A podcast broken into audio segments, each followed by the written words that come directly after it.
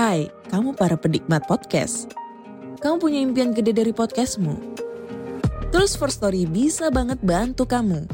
Mulai dari F-Link, Dynamic Audio Insertion, sampai statistik yang komprehensif. Semua ada di First Story. Gak ketinggalan kamu bisa monetisasi podcastmu lewat iklan dari First Story Ads yang bisa kasih kamu penghasilan dari setiap place podcastmu. Yuk gabung sekarang dengan klik di firststory.me. Sekali lagi, klik di firststory.me. Mari kita bawa mimpi podcastingmu menjadi kenyataan. Assalamualaikum warahmatullahi wabarakatuh. Waalaikumsalam warahmatullahi wabarakatuh. Selamat malam Sobat MM, Sobat Malam Mencekam, semakin malam semakin mencekam. Kali ini Pak Adi akan mengisahkan kisah nyatanya melakukan pesugihan di Gunung Kemukus. Ini adalah keempat kalinya Pak Adi melakukan pesugihan. Tapi sebelumnya saya ucapkan juga banyak terima kasih kepada Anda yang selalu mendukung channel Malam Mencekam. Terima kasih Anda yang sudah bergabung ke dalam grup Malam Mencekam Family. Mudah-mudahan tali silaturahmi kita selalu tersambung ya dan kita akan menjadi keluarga besar. Baik. Assalamualaikum Pak Adi. Waalaikumsalam Mang Ai. Waduh, Pak Adi ini tambah sehat aja nih ya. Alhamdulillah Mang Ai. Terima kasih ini kali keempat Pak Adi tampil di Malam Mencekam ya Iya. untuk menceritakan kisah nyata pengalaman pesugihannya. Pak Adi adalah seorang master pesugihan. Tapi yang ini kita nggak tahu nih, ini gagal atau enggak nih. Pak Adi ada pertanyaan dari banyak subscriber. Katanya pesugihan itu bohong Pak Adi. Jadi banyak yang melakukan tapi gagal katanya. Banyak yang gagal. Itu kenapa Pak Adi? Kebanyakan yang gagalnya itu dikarenakan dari rata-rata proses PS ini ya seperti NJ nikah jin, JU jual umur, JK jual keluarga, melon, jarum satu atau melon, jarum dua dan lain-lain tetap itu mengacunya kepada e, meminta tumbal anak gitu. Anak atau bahkan yang kedua alternatifnya itu kita selama hidup tidak boleh mengucapkan kalimah-kalimah Allah otomatis kan secara tidak langsung menyuruh kita keluar dari agama Islam. Nah, yang menjadikan kegagalan itu ya dua hal tersebut yaitu tumbal anak dan kita dalam hidup kita seumur hidup tidak boleh mengucapkan kalimat Allah itu yang bikin kegagalan. Jadi kalau ada andai kata ini pemirsa MM yang tidak percaya bahwa pesugihan itu ada, saya bisa antar ke tempatnya dengan catatan asal kuat aja mentalnya gitu. Ada itu tempatnya betul. Baik, nah sudah dijawab sobat. Oke, kita akan mendengarkan kisah dari Pak Adi. Semoga ini bermanfaat dan jangan ditiru. Ikuti terus kisahnya sampai episode yang terakhir. Silakan Pak Adi.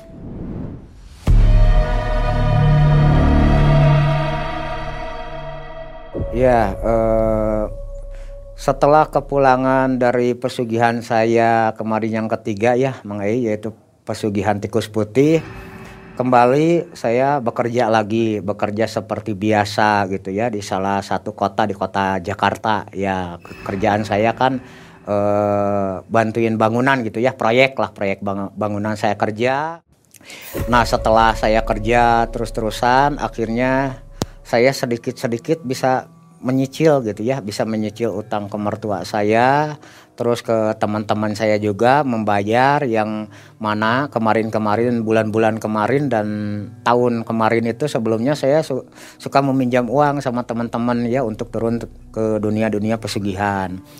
Nah, akhirnya selama hampir satu tahun kurang saya bekerja karena uang yang didapat dari hasil bekerja hanya untuk cukup untuk makan gitu ya. Akhirnya tetap saya dalam pikiran itu ada tumbuh lagi rasa putus asa gitu. Putus asa akhirnya saya mengumpulkan kembali dari setengahnya uang hasil kerja saya untuk turun kembali ke dunia pesugihan gitu Mang ya. Setelah satu tahun kurang lebih ya saya turun di dunia pesugihan yang ketiga kemarin itu yang eh, tikus putih. Nah, setelah saya mengumpulkan uang, akhirnya saya coba main ke rumah teman saya di salah satu kota di daerah Majalaya gitu. Saya main ke rumah teman itu, kebetulan rumah teman saya kan di kota Majalaya itu dia rumahnya ngewarung gitu ya. Inisialnya teman saya sebut aja namanya A gitu.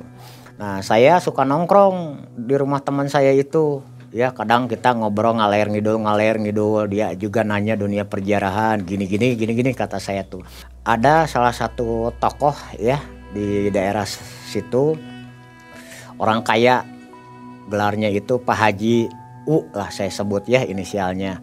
Nah saya heran. Setiap beliau itu membeli satu bungkus rokok uangnya 100 ribu tidak pernah meminta kembalian kata teman saya itu Pak Haji ini kembaliannya. Ah udah nggak usah buat kamu aja gitu. Nah saya menyaksikan di situ kok baik benar ini Pak Haji? Nah saya tanya ke teman saya itu itu si, Pak Haji itu siapa sih? Baik banget orangnya. Oh itu ah gini dia orang terkaya di sini. Baik banget dia mah orangnya. Oh jadi dia dulu sejarahnya emang orang kaya? Nah terus teman saya itu menceritakan lah tapi udah A ke saya itu jangan bilang ke siapa-siapa ya. Dulu Pak Haji itu dari segi ekonomi itu orangnya susah, rumah aja bilik. Tapi saya dengar-dengar beliau itu sering berangkat ziarah sebulan sekali itu sebulan sekali nggak tahu ziarah ke mana masyarakat sini juga nggak tahu.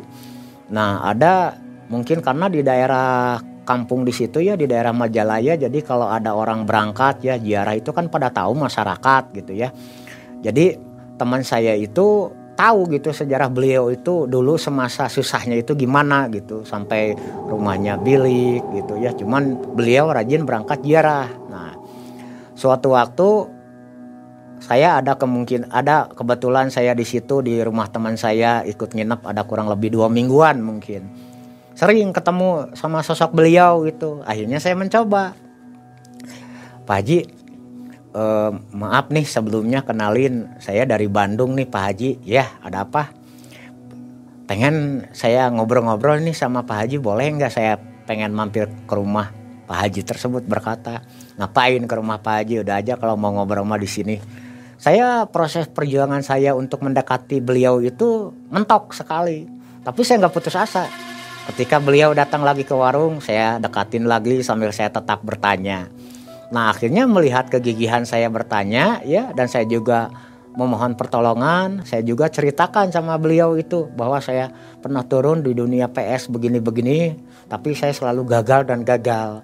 Nah akhirnya Pak Haji tersebut bilang, udah nanti kamu ke rumah tapi jangan bilang siapa-siapa ya. Nah akhirnya malamnya saya ke rumahnya, setelah datang saya ke rumahnya ngobrol-ngobrol dengan Pak Haji, akhirnya beliau berkata sebetulnya emang Pak Haji juga dulu sama susah seperti kamu, rumah bilik, makan susah. Kadang kita juga nih Pak Haji pinjam-pinjam ke saudara itu nggak ada yang ngasih.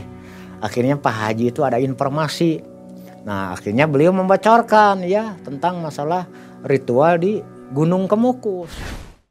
Bahwa ritual di Gunung Kemukus itu begini begini begini kata beliau itu ritualnya. Jadi kita harus membawa pasangan ya seorang perempuan yang sudah bersuami untuk ritual di Gunung Kemukus tersebut. Dan beliau juga mengajarkan tata cara ritual-ritual kesayannya sedetail mungkin. Nah, setelah ketemu sama beliau karena sewaktu saya kerja di Jakarta mengumpulkan gaji kan akhirnya saya coba ya saya coba berangkat ya ke tempat yang beliau katakan yaitu di Gunung Kemukus. Nah akhirnya saya mencoba sendiri dulu nih. Saya mencoba sendiri dulu ke sana, berangkat ke sana untuk menelusuri tentang ritual sesungguhnya di Gunung Kemukus.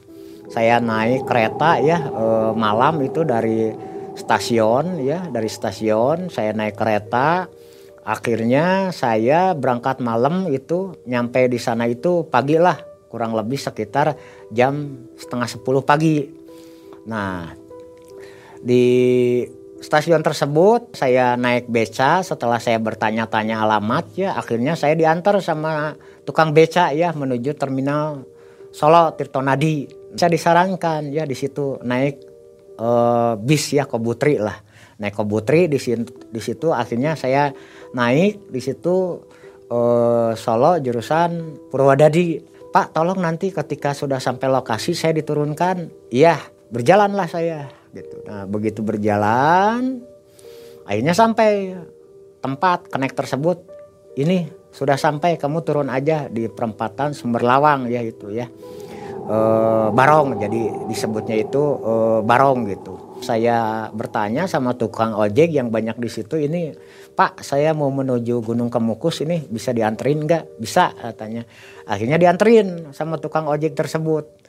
Nah setelah dianterin dari bawah naik ojek ya ke atas saya bayar tiket di situ kan e, merangkap juga ya objek wisata di situ. Saya bayar tiket nah sebelum saya membayar tiket itu di luar di luar luar banyak ya yang jualan bunga-bunga atau kompan yang putih ya menawarkan saya beli di situ di luar bunga ya beli bunga. Di antaranya saya bilang bu kalau bisa yang ada bunga kantilnya bu. Akhirnya saya masuk setelah membayar tiket itu ke Pemda karena e, di situ termasuk juga lokasi objek wisata gitu. Setelah saya masuk saya ngobrol sama orang-orang situ di warung. Banyak di situ yang menawarkan pak udah bawa pasangan belum? Kok nggak ada pasangan? Mau nginep nggak? Banyak di situ yang menawarkan itu dari bawah ya sampai ke atas itu.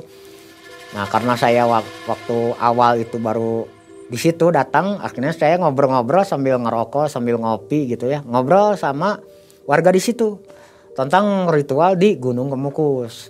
Akhirnya dari bocoran warga di situ bahwa di situ ada dua jalur jadi di dua jalur itu yang tidak membawa pasangan jarah biasa itu dan yang membawa pasangan. Tapi yang kebanyakan berhasil Mas kalau di sini yaitu bawa pasangan. Oh gitu Bu. Nah saya datanglah ke juru kunci Sendang Ontrobulan ya. Nah, saya bilang ke situ ke juru kunci Pak eh, saya usahanya proyek Pak kamu punya pasangan nggak? Nggak, saya sendiri dulu. Oh ya, akhirnya di situ di ritualkan ya, ditawasulkan di situ saya membakar dupa. Nah setelah itu beliau berkata nanti kamu tinggal jarah ke atas ya ke Pangeran Samudro. Nah nanti kamu sebelum ke atas harus mandi dulu itu. Akhirnya saya ke toilet umum, saya mandikan itu ya. Air separohnya dicampur dengan air yang dari kamar mandi dicampuri dengan bunga. Saya mandi di situ.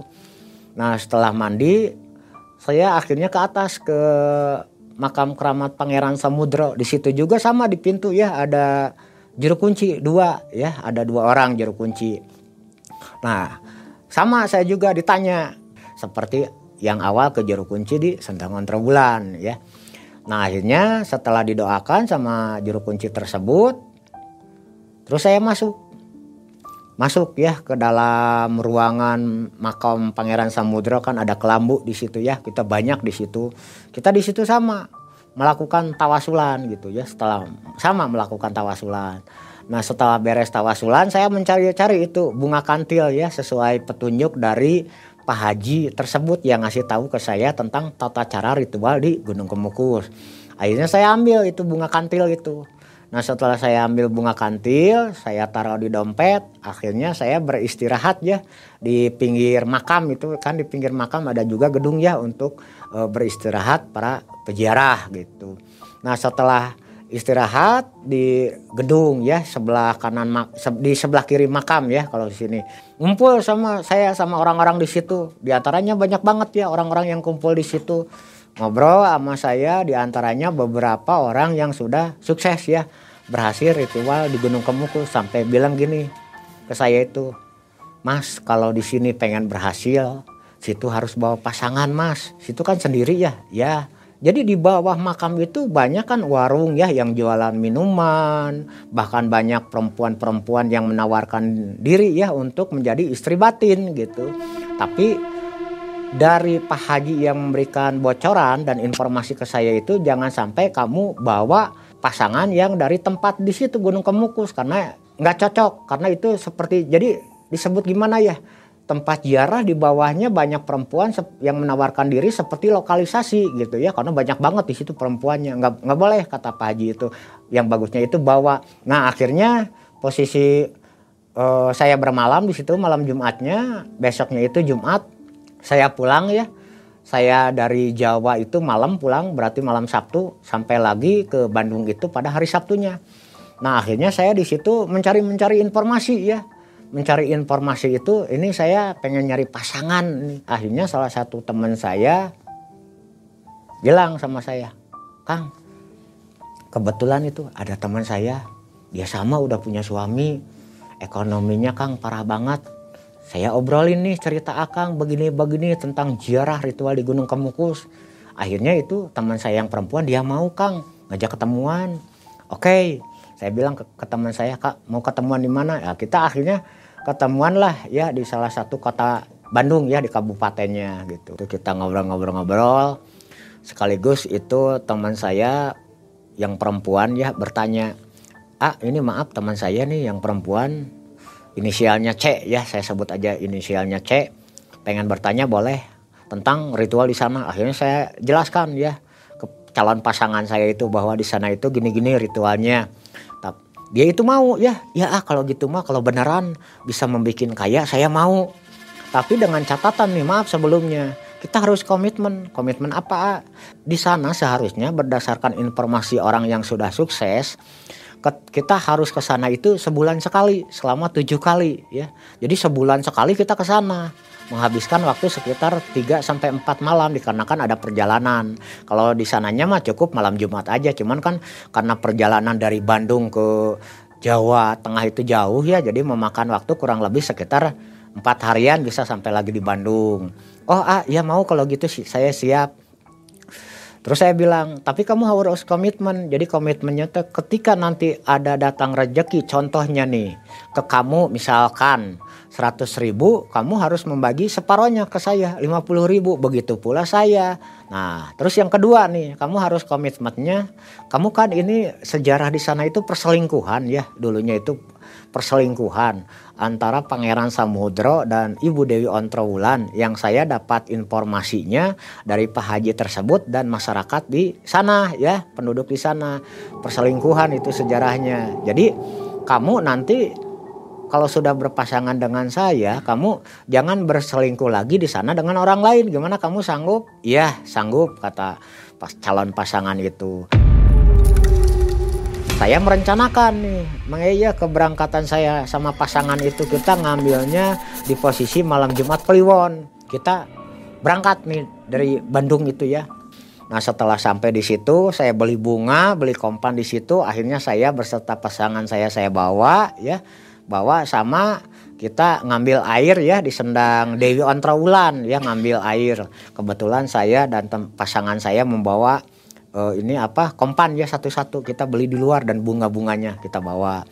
Nah setelah kita mengisi air kompan tersebut dengan air sendang ya, da, itu airnya itu walaupun banyak jutaan pejarah yang ngambil tetap segitu ya ukuran airnya. Nggak melebihi atau berkurang. Tetap aja keanehannya itu di situ itu air sendang antar bulan itu gitu. Walaupun diambil jutaan pejarah tetap aja segitu.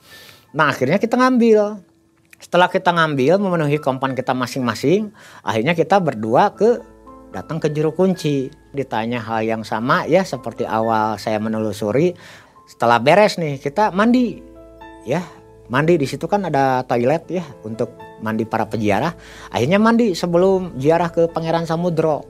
Kita setelah mandi kita datang. Datang ya ke atas naik ke atas. Ke atas ke tempat jarah Pangeran Samudro. Nah setelah kita nyampe sama di situ juga ya ada juru kunci dua di situ ya alhamdulillah lah. Kalau juru kunci di situ di Gunung Kemukus ya tidak menarget mahar ya. Jadi seikhlasnya kita ngasih berapa berapapun kita ngasih beliau beliau menerima gitu ya. Jadi tidak memberatkan gitu. Nah setelah memberikan ke juru kunci ya kita sodako seikhlasnya pakai amplop akhirnya kita disuruh melakukan tawasul di dalam ya. Di makam keramat Pangeran Samudro itu ada kelambu. Nah kita di situ kan banyak orang ya. Kita sama di situ. Melakukan tawasul membaca tawasul kalimah-kalimah Allah ya. Salawat kita baca di situ. Nah setelah itu menjelang saya lihat jam ya. Menjelang jam 12 malam saya bilang ke pasangan istri saya itu pasangan batin saya ya. Udah jam 12 yuk. Kita uh, turun aja ke bawah tapi sebelumnya tunggu dulu atas saya saya mau mencari bunga kantil. Nah, akhirnya saya ngebek-ngebek di situ ya. Ngacak-ngacak di situ kan bunga banyak itu di atas pusara itu banyak kan bunga-bunga. Saya dapat dua itu ya bunga kantil. Akhirnya saya ambil satu. Satu lagi saya kasih ke pasangan saya ya yang perempuan itu. Akhirnya kita ke bawah. Di salah satu warung ya saya tanya sama penjual warung itu bu kalau di sini nih saya mau melakukan ritual nih ya. E, kamar berapa bu? Per malamnya sekian katanya. Akhirnya di bawah nggak terlalu jauh dari makam ya ada salah satu bangunan yang tembok warung gitu. Akhirnya saya menyewalah kamar di situ. Nah ketika saya menyewa kamar kamar tersebut ya saya beserta pasangan saya masuk. Nah sebelumnya kan saya bawa dawagan ya, bawa dawagan di tas gitu ya. Saya bawa, saya keluarin. Di dawagan itu saya pasangin dupa. Saya tanya nih pasangan saya, kita ini mau siap ritual gimana? Kamu sudah siap? Sudah A, kata pasangan saya. Akhirnya saya memulai, memulai ya, memulai membaca ya Allah syariatnya dengan saya berziarah ke Gunung Kemukus ini ke keramat Pangeran Samudro wa Ibu Dewi Ontrowulan kami berdua akan melakukan persetubuhan dan kenikmatan. Kami berdua kami jual kepada engkau ya Pangeran Samudro dan Ibu Dewi Ontrowulan. Dengan balasan kami berdua diberikan harta dalamnya tujuh lapis bumi atasnya tujuh lapis langit. Begitu saya yang ucapkan. Nah setelah saya merapalkan bacaan tersebut ya saya berdiam. Mata itu terpejam. Berdiam. Nah setelah terdiam tiba-tiba ada semacam hembusan angin ke sini ke kepala saya. Dingin banget. Nah setelah dingin saya lemaskan badan terasa masuk. Nah setelah itu tidak terlalu lama timbul rasa gairah yang mana rasa gairah tersebut saya belum pernah dapatkan sama istri saya. Nah malam itu juga kita e, melakukanlah persetubuhan dengan pasangan saya. Nah setelah melakukan persetubuhan tapi ini maaf sebelumnya ya Mang Ei bukan berarti saya ngobrol berbicara jorok gitu ya. Jadi dari air sperma yang keluar dari kita itu ya berdua diambil sama kapas dua kapas gitu. Diambil sama kapas itu kita lipat. Setelah kita lipat pakai kapas ya kita satukan dengan bunga kantil. Setelah disatukan dengan bunga kantil kita bawa di dompet. Nah setelah selesai malam itu selama sampai menjelang kepulangan ke kota Bandung gitu ya di situ hasrat timbul terus sampai melakukan tanpa kesadaran ya. Jadi tanpa kesadaran itu sampai melakukan persetubuhan 3 sampai empat kali. Yang anehnya itu gairah aja naik lagi naik aja kepingin lagi kepingin lagi. Begitu aja terus sampai subuh. Setelah menjelang pagi kita pulang gitu. Kita pulang karena kita bertanya di stasiun untuk ke kereta itu tujuan ke Bandung kota Bandung itu adanya malam ya. Akhirnya kita jalan-jalan dulu ya di kota Solo gitu jalan-jalan menunggu waktu malam. Nah akhirnya kita pulang itu ya pulang. Ritual pertama kita pulang. Nah setelah kepulangan pertama tidak ada apa-apa yang terjadi. Baik ke pasangan istri batin saya atau ke saya saya tanya udah ada jalan rezekinya? Belum. Ada yang ngasih atau apa? Oh belum ah gitu. Nah akhirnya saya berbicara di telepon ya gini aja teh. Karena kata Pak Haji tersebut ya kita kan harus ke sana itu tujuh kali nanti bisa sugihnya itu dalam arti bisa ketiga keempat kelima keenam atau ketujuh. Baru kita diharuskan e, membuat nasi tumpeng di sana dan menyembelih ayam jago untuk dibagikan makanan tersebut kepada ke para peziarah di situ. Jadi begitu teh. Oke ah nanti siap ya untuk yang kedua? Ya pasangan batin saya itu siap untuk keberangkatan yang kedua. Nah Menjelang keberangkatan kedua ada kendala. Ada kendalanya apa? Tiba-tiba kerjaan saya berhenti tidak dilanjut. Aduh kan saya bingung nih Mang ya. Aduh mana mau keberangkatan ya. Tapi tidak ada gitu ya untuk jalan ongkos saya untuk ke sana gitu. Tapi yang anehnya ketika memasuki hari Kamis saya udah udah bingung ya Mang itu tahu kenapa tiba-tiba ya pas menjelang sesudah asar tiba-tiba ada teman saya datang. Akhirnya saya ngobrol-ngobrol ke teman saya itu. Aduh saya tolongin lah. Nanti saya kembaliin bulan depan tolongin apa? Pinjam uang lah. Ini saya kebetulan kerjaan nih berhenti nggak lanjut lagi nggak tahu kenapa saya juga. Nah alhamdulillah. Teman saya itu memberikan memberikan pinjaman uangnya.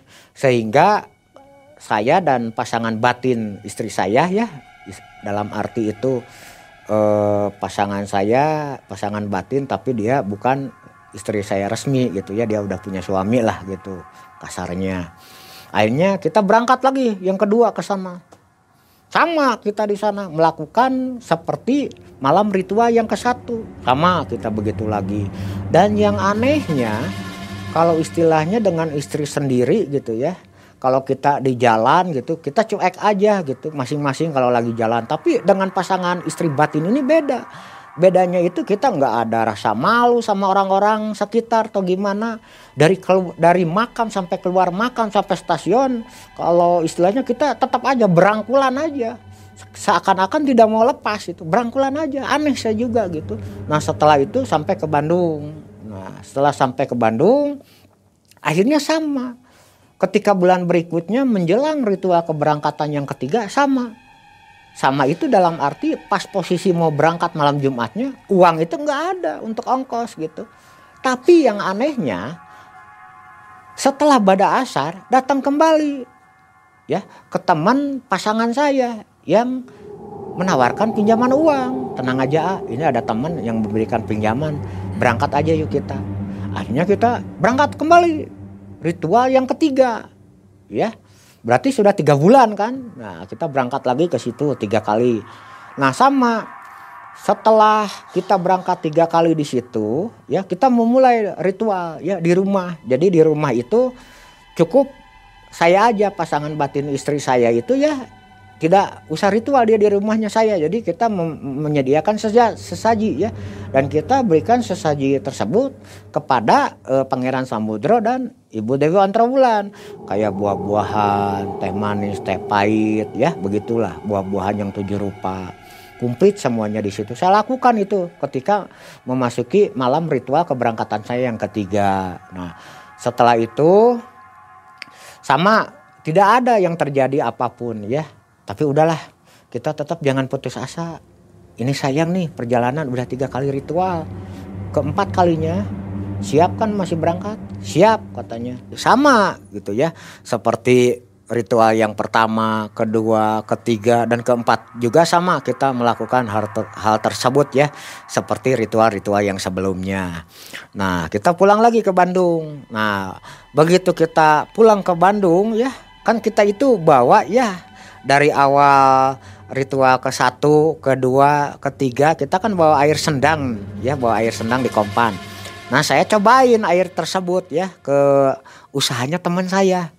Ya yang di kota Majalaya itu. Kata saya itu ke teman saya gini ini saya ada air jiarah nih. Kamu kan usaha sepi? Ya ah ini sepi banget nih tahu kenapa? Cobain ya. Saya siramin dengan air dari tempat jiarah ini. Mudah-mudahan syariatnya ada keberkahan. Nah saya siramin di situ ya, saya siramin Mang E di situ di warung. Nah setelah saya siramkan di warung teman saya yang jualan, kebetulan dia juga kan di pinggirnya itu jualan kelapa ya, dawegan gitu. Saya siramin lagi ya ininya juga, ya akhirnya tempat jualan teman saya itu warung dan air kelapanya saya siram itu ya dengan air sendang, sendang ontrawulan itu yang dari kompan itu. Nah begitu saya siramkan ada mungkin kurang lebih setengah jam yang saya heran dan merasa aneh. Tiba-tiba banyak itu yang beli. Hilir mudik itu yang beli ya, Mang Eyo banyak yang beli itu. Sampai akhirnya itu ke warungnya banyak yang beli terus ke jualan teman saya itu yang dawagan itu tidak membutuhkan waktu lama kurang lebih setengah jam kurang lah habis mengayu di situ. Yang anehnya itu yang mana hari-hari biasanya itu sepi. Setelah disiram itu tiba-tiba kurang lebih setengah jam kurang udah habis itu dia jualan air kelapa dawagannya ya yang biasanya dia jualan sepi dan kalau habis juga ya jualannya dari pagi sampai sore cuman dia yang dia dapatkan uang cuman sekitar kurang lebih 350 ribu atau 400 nah ketika disu, sudah disiram dengan air sendang ya syariat barokahnya itu sampai mencapai 2 juta lebih gitu. Akhirnya saya suatu malam gitu begitu saya memberikan sesaji saya bilang di situ ini air saya siramkan ke tempat usaha teman-teman saya mulai ada kemajuan. Tapi kok saya sendiri masih begini minta dibantu. Saya berkata di situ ya ketika saya melakukan ritual yang keempat ya di malamnya itu memberikan sesaji di kamar kan jadi itu ada kamar khusus sama itu adanya kamar khusus dikarenakan karena orang tua saya yang nggak punya kamar ya saya juga sama kolaborasi sama teman ya biar mendanai saya punya tempat khusus ritual dengan menyewa salah satu kontrakan gitu. Nah akhirnya malam keempat tersebut begitu saya sudah ritual selesai ya setelah selesai besoknya saya jalan-jalan nih main ke rumah teman saya yang di Soreang ketika saya lagi ngobrol ini tiba-tiba ada yang mengetuk pintu mengenai begitu teman saya bertanya sama tamu tersebut bapak mau ke siapa? Mau ke saya katanya. Kok dia bisa tahu nama saya langsung? Itu yang saya herannya. Nah akhirnya karena penasaran saya udah silahkan suruh masuk aja. Akhirnya masuk. Dia itu bicara sama saya bapak terima kasih ya Bapak sudah menolong keponakan saya tabrakan. Nah, Bapak bawa ke rumah sakit. Nah, setelah Bapak bawa ke rumah sakit, ya, tiba-tiba fotokopi KTP Bapak itu terjatuh. Nah, diambil oleh keponakan saya. Nah, setelah diambil oleh keponakan saya, sekarang keponakan saya sudah sembuh. Besar mah enggak, Pak. Ini buat Bapak memberikan amplop memberikan amplop ya lumayan tebal. Tapi saya ketika beli, berbicara dengan orang tersebut seperti terhipnotis. Iya iya aja. Nah akhirnya beliau tersebut membelikan kartu nama. Beliau salah satu pengusaha baja ya di salah satu kota Kabupaten Bandung. Nah setelah beliau memberikan kartu namanya, akhirnya beliau berangkatlah. Nah setelah beliau berangkat, teman saya bertanya, Kang, saya perhatikan kamu ngobrol itu sempat bingung saya. Iya, kenapa sempat bingung? Kamu coba pikir. Kalau seandainya kamu betul menolong, ya, yang laka di jalan itu kamu bawa ke rumah sakit itu, itu yang orang Chinese, orang tersebut bilang jatuh itu fotokopi KTP. Kalau kamu ingat, yang mau jatuh seharusnya bukan fotokopi KTP, tapi dompet kamu. Nah, di situ saya kaget juga ya. Iya. Juga betul. Masa fotokopi KTP sih bisa jatuh? Kalau mau jatuh juga dompet saya. Terus teman saya kamu ada keanehan nggak? Kalau betul seandainya dia ya datang ke sini ini berdasarkan mencari alamat kamu di KTP seharusnya dia datang ke orang ke rumah orang tua kamu yang di Bandung bukan ke sini. Ini kan rumah saya mana tahu dia. Nah di situ Mai saya kaget kembali. Aduh Ya juga benar ucapan teman saya itu. Jadi mustahil gitu ya. Nah setelah saya buka di dalamnya itu uang 50 ribuan dan 100 ribuan. Uang semua. Saya di situ sempat percaya nggak percaya. Wah ini mungkin uang dari orang yang mau ngewadalin saya, numbalin saya. Atau ini uang palsu. Nah akhirnya karena saya di situ sempat shock juga ya antara percaya dan tidak percaya melihat ada uang akhirnya saya berangkat belanja ke teman saya. Ayo temenin saya. Setelah saya belanja ya ke salah satu toko di kota Soreang beserta teman saya diberikan kembaliannya sama kasir tersebut. Dan di situ saya berpikir wah ini bukan uang palsu ini uang asli. Kemudian saya pulang dengan teman saya ya. Ketika saya menginap di rumah teman saya saya tertidur. Nah di dalam tidur saya itu bermimpi ada sosok yang pakai sorban gagah orangnya.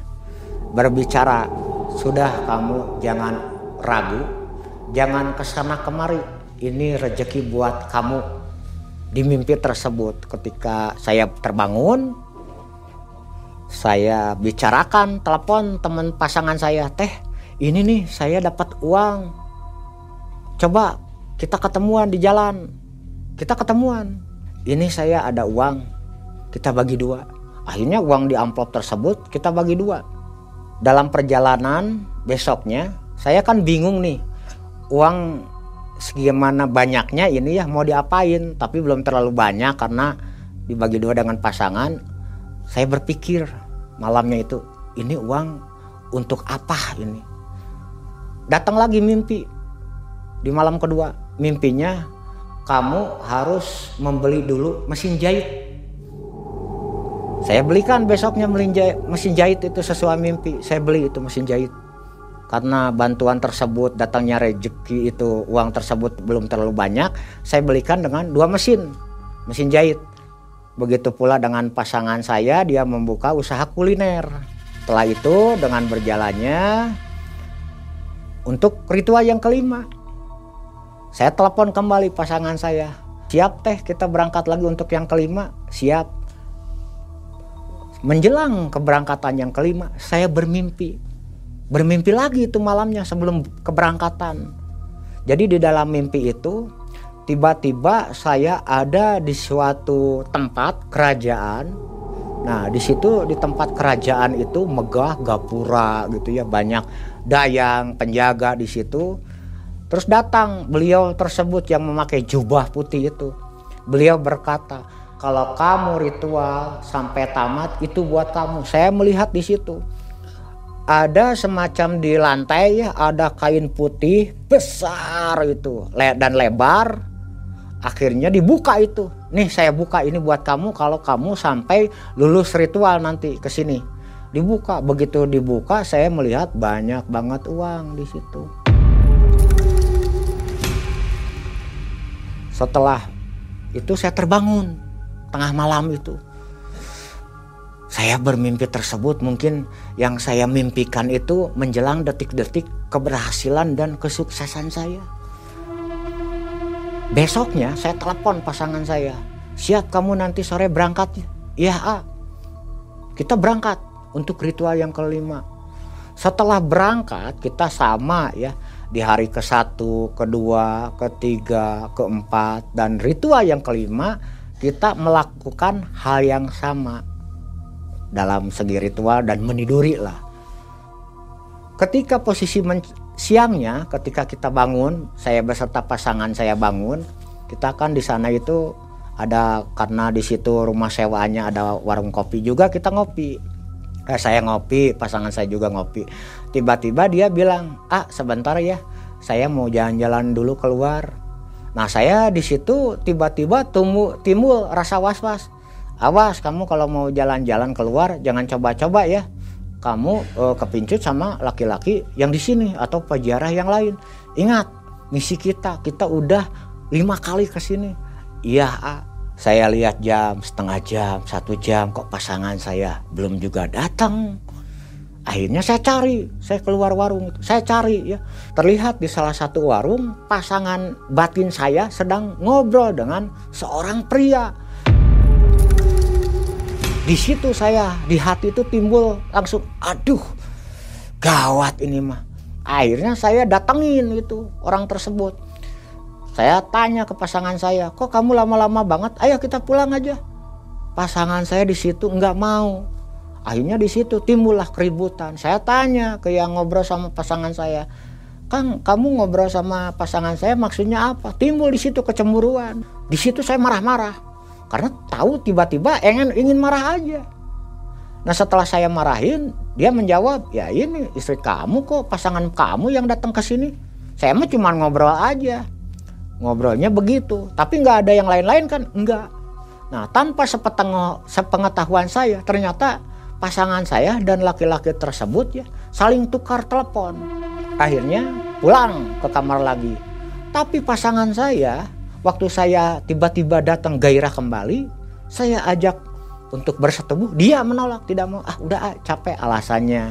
Ya udahlah kalau udah gitu mah, kita pulang aja. Ketika menunggu datang kereta tiba, saya lihat itu laki-laki tersebut yang siangnya itu ngobrol dengan pasangan saya ada di situ dia juga mau sama arah pulang. Di situ saya timbul sudah pikiran dan hati tidak enak aja. Bahkan pasangan saya banyak berbicaranya itu dengan laki-laki tersebut. Udah tidak mau lagi dengan saya. Saya panggil, sini kamu. Kamu ingat, kita waktu awal sebelum keberangkatan, kalau kamu ingin sukses, ingat kita sudah membuat komitmen. Kok kamu malah begini? Di situ saya ribut, mengaya, ribut di stasiun itu. Telah ribut, datanglah kereta, naik. Telah duduk, pasangan saya nggak mau. Saya ajak duduk dengan saya, nggak mau. Dia memilih dengan laki-laki tersebut di depan saya. Di situ saya jelas emosi, mengaya Sampai emosi memuncak, saya sampai mau berantem di kereta. Dicegah sama pasangan saya. Udah ah, jangan berantem, bikin malu. Ya udah, kamu kamu, udah saya saya. Di situ tiba-tiba saya emosi, emosi dan gelap mata. Kalau tidak kurang-kurang melihat masyarakat di situ ya, ya para penumpang maksudnya yang duduk di pintu udah saya tonjok itu laki-laki tersebut. Langsung saya keluar karena saya masih emosi di situ. Saya langsung keluar. Saya berdiri di pintu kereta sampai di kota Bandung, stasiun kota Bandung. Nah setelah saya setelah di stasiun, akhirnya saya ber, berpisah dengan pasangan saya. Saya telepon kembali ke pasangan saya. Kamu ini untuk ritual yang keenam gimana? Siap nggak berangkat? Aduh, maaf A, saya nggak siap. Kalau dengan A, saya udah berpasangan dengan laki-laki yang kemarin A lihat. Di situ saya langsung mengaya, lemes hati saya. Perjuangan saya, pengorbanan saya, yang ritual ke satu, kedua, ketiga, keempat, kelima itu berakhir bisa sia-sia. Setelah pasangan saya memutuskan tidak mau lagi berpasangan dengan saya, datang saya ke rumah Pak Haji. Saya curhat sama beliau. Pak Haji, saya ceritakan begini-begini, ini gimana nih untuk ritual kelima, pas mau ke enam, pasangan saya udah nggak mau lagi sama saya. Dia udah sama pasangan yang lain. Waduh, kalau gitu kamu bisa gagal ini bisa gagal Pak Haji. Iya kamu harus menuntaskan ke sana. Sebulan sekali ke sana selama tujuh bulan berarti tujuh kali kamu ke sana harus dengan pasangan yang sama. Tidak boleh dengan pasangan yang lain. Kalau begitu kamu bisa gagal kata Pak Haji tersebut. Akhirnya di situ dengan perasaan saya lemas ya. Hati dan pikiran lagi bingung, saya serba bingung itu. Besoknya tiba-tiba mesin jahit itu yang dua itu rusak. Rusak saya betulin uang dan uang tetap nggak bisa jalan itu mesin. Akhirnya udah saya jual kedua mesin tersebut. Setelah saya jual, tiba-tiba ada teman saya yang ngajak kolaborasi untuk membuka usaha. Udah kamu usaha aja sama saya, kamu punya modal berapa? Ini sekian dari hasil penjualan dua mesin jahit. Udah kamu percayakan aja, saya yang kelola. Saya percayakan uang tersebut sama teman saya dengan harapan akan berkembang. Ternyata di luar perkiraan dan di luar kendali saya. Tiba-tiba teman saya itu menipu saya, dia lari, lost contact langsung. Kurang lebih dari penjualan mesin itu sekitar 4 juta setengah lah. 4 juta setengah uang saya yang digolangin itu dibawa kabur sama dia. Nah saya hancur lagi di situ. Setelah saya hancur, saya tanya pasangan saya, saya marahin telepon. Nih gara-gara kelakuan kamu yang tidak tahan dan tidak kuat godaan. Kamu berselingkuh lagi dengan laki-laki yang lain. Kamu tidak mau berpasangan dengan saya untuk ritual yang keenam. Akhirnya begini, usaha saya kacau kembali. Uang hasil dari penjualan mesin ditipu teman saya. Terus kamu gimana? Ya ah, maaf, menangis itu pasangan saya. Saya juga sama, usaha kuliner saya sepi. Akhirnya uang modal ter tersebut saya pakai sehari-hari untuk makan.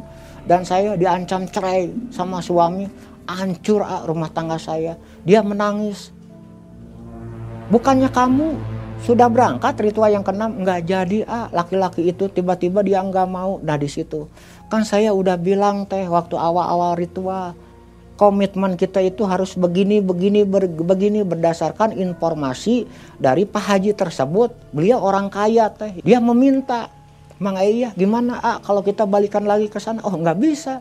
Kenapa nggak bisa? Kata Pak Haji yang memberikan bocoran ke saya, kalau sudah berpasangan, ya satu berpasangan dengan si A contohnya, gagal, udah nggak bisa kembali. Ya udah, yang sudah biarlah sudah berlalu karena kamu nggak kuat dan tidak tahan godaan, akhirnya usaha kita hancur berdua kembali. Jadi hancur mengai usaha kita. Bahkan yang lebih parah, pasangan batin saya sempat bercerai dengan suaminya begitu Mang Ei Arti kata pesugihan itu tidak gagal sebenarnya. tidak gagal gitu Hanya perbuatan pasangan, pasangan, saya tadi. iya Boleh nggak kalau dikawin si Tidak boleh. pasangan itu? Jadi di ritual di Gunung Kemukus, ketika kita sukses, kita tidak boleh menikahi pasangan kita, kan itu hanya batin. Jadi kita berpasangan selaku suami suami istri hanya berlaku untuk di Gunung Kemukus, bukan di sini di tempat kita berasal dan tidak boleh dinikahi. Kalau kita nikahi, ya sama, hancur kembali. Andaikan sudah berhasil,